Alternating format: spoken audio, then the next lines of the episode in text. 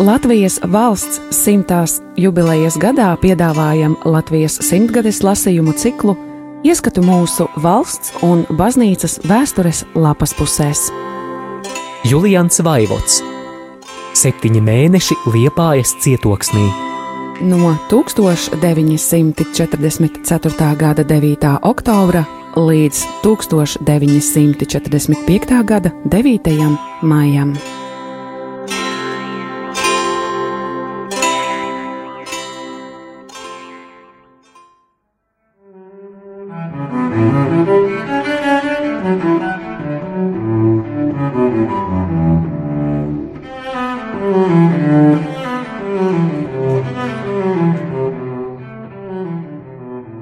1945. gada 4. martā. Sakarā ar to, kas šodien rakstāms dienas grāmatā, man vajadzētu 23. februārī ierakstīto no dienas grāmatas izplēst. Es tomēr to nedarīšu divu iemeslu dēļ. Vispirms, negribas tādu postījumu grāmatā darīt. Otrakārt, gribu atstāt piemiņai tos iespaidus, kādus mēs te, kur zemē pārdzīvojām. Līdz šim brīdim man nav zināms, kāpēc notikušais Vācijā sakarā ar Nacionālās padomes un Nacionālās komitejas ievēlēšanu mums kurzemē tūlīt netika skaidri pateikts. Vai ar to gribēts vēlāk pārsteigt, vai Vācijā notikušais tikai zināmas evolūcijas ceļā varēja beigās kurzemē tikt skaidri pasludināts? Jau 1. martā par radio tika pateikts svarīgs ziņojums no Berlīnes pēc vakara ziņām pulksten 9.15. Izziņotā laikā tika nolasīta Latvijas Nacionālās komitejas prezidenta ģenerāļa Bangerska deklarācija, pirmie deklarācijas vārdi - Latvijas pilsoņi Nacionālās padomes locekļi, kā zibens pāršķēla mūsu dievzemītes tumsu. Tātad mums ir atkal nacionālā padome, būs kāda nacionāla valdība. Mēs atkal stāvam kaut kā jauna priekšvakarā, kā 1918. gada 18. novembrī. Kas saka A, tas pateiks arī B. Tā prātoja kurzemnieki. Pēc deklarācijas nolasīšanas, kā silta vēja šalkas pāri pēdējiem ziemas stindzinošajiem sniegiem, atskanēja pavasari sološas Dievs svētī Latviju skaņas. Kurzemniekiem to vakaru ejot gulēt, prātā urbās viens svarīgs jautājums: kā tas viss tomēr ir noticis? 2. marta laikrakstos bija tikai īsa piezīme, ka plašāku informāciju sniegšot 3. marta tēvijas numurā. Šis numurs, numur 54, dubultā apjomā parādījās ar virsrakstu Uzvarai un brīvībai.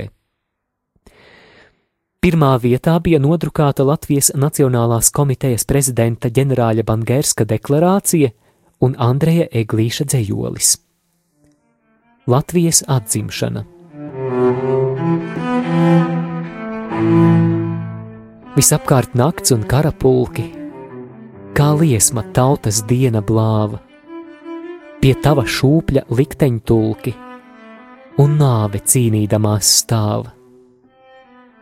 Šurp drosmīgie pirms dieva tiesas, ar uguns spēku murgus šķelt, no gara asinīm un miesas mums atkal savu valsti celt. Liepājā 1945. gada 1. martā.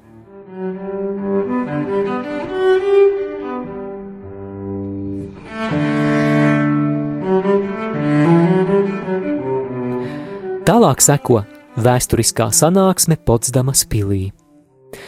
Vēsturiskajā Potsdamas pilī 20. februārī notika Latvijas Nacionālās padomes sēde.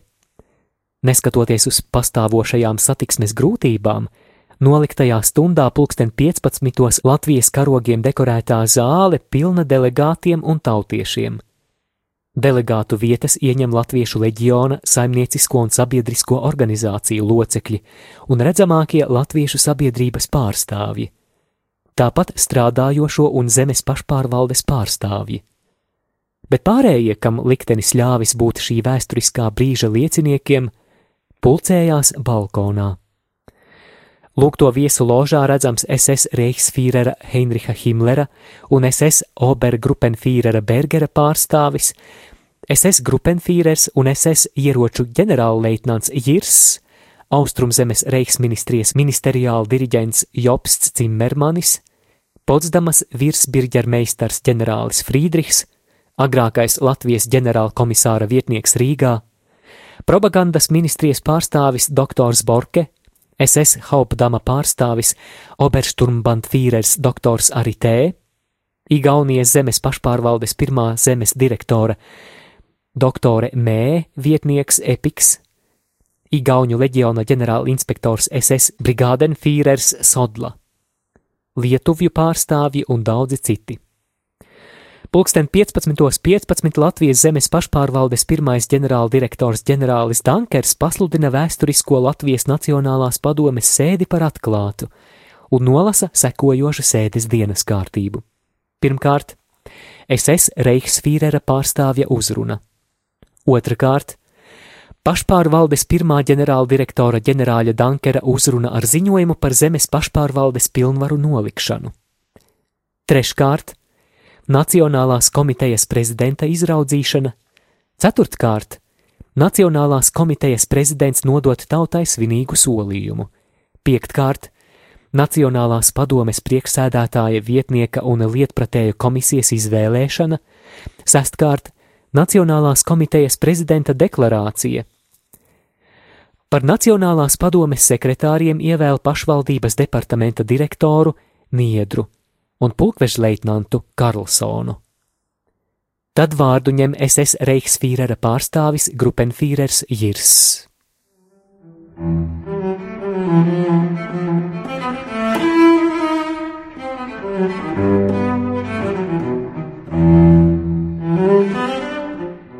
Jirsa kungs savā runā paziņo, ka Nacionālās komitejas prezidents kļūst civilās pārvaldes vadītājs kurzemē, un kurzemes pārvalde likta komitejas vīru rokās.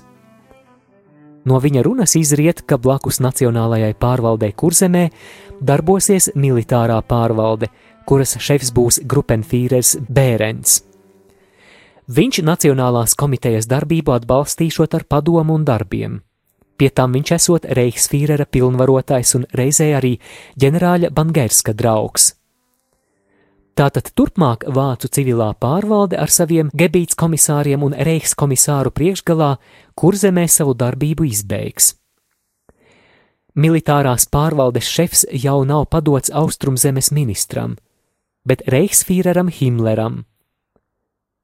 Ar to visa kurzemes pārvaldīšana pieņem pavisam citu izskatu. Tikai žēl, ka tāds projekts agrāk vāciešiem neienāca prātā. Viņi labprāt latviešiem atdotu to, ko paši vairs nespēja paturēt. Krievi gan saka, ka luče pože ķemņikagdā, bet citi smēja, ka to esot pateicis pasažieris, kurš nokavējis pēdējo vilcienu.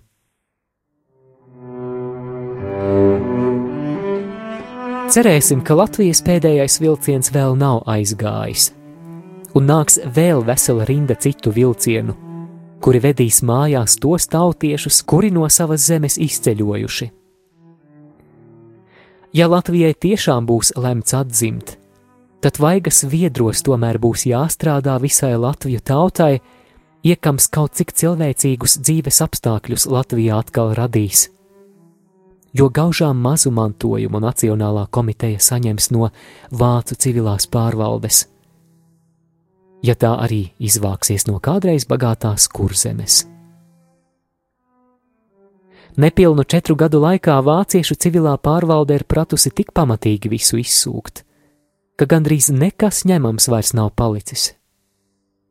Katru dienu viņa vēl kaut ko atrod pievācamu. Es jau minēju par telefona aparātu noņemšanu, Noņemtas tika arī telefona drātis, un šodien pa mūsu ielu vēl virzās smagā mašīna, kurā iekrauj no telefona stabiem atskruvētos dzelžus ar izolatoriem.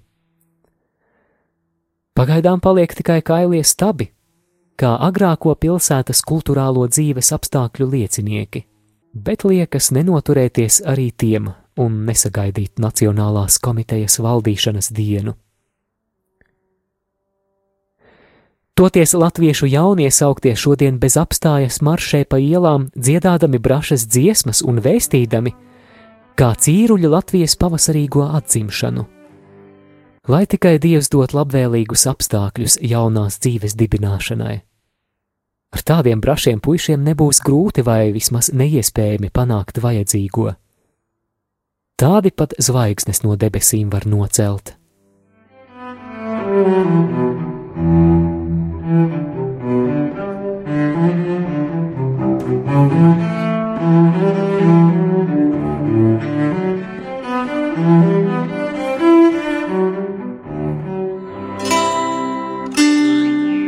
Radio Marija Latvija ēterā Latvijas simtgadēji veltīti lasījumi.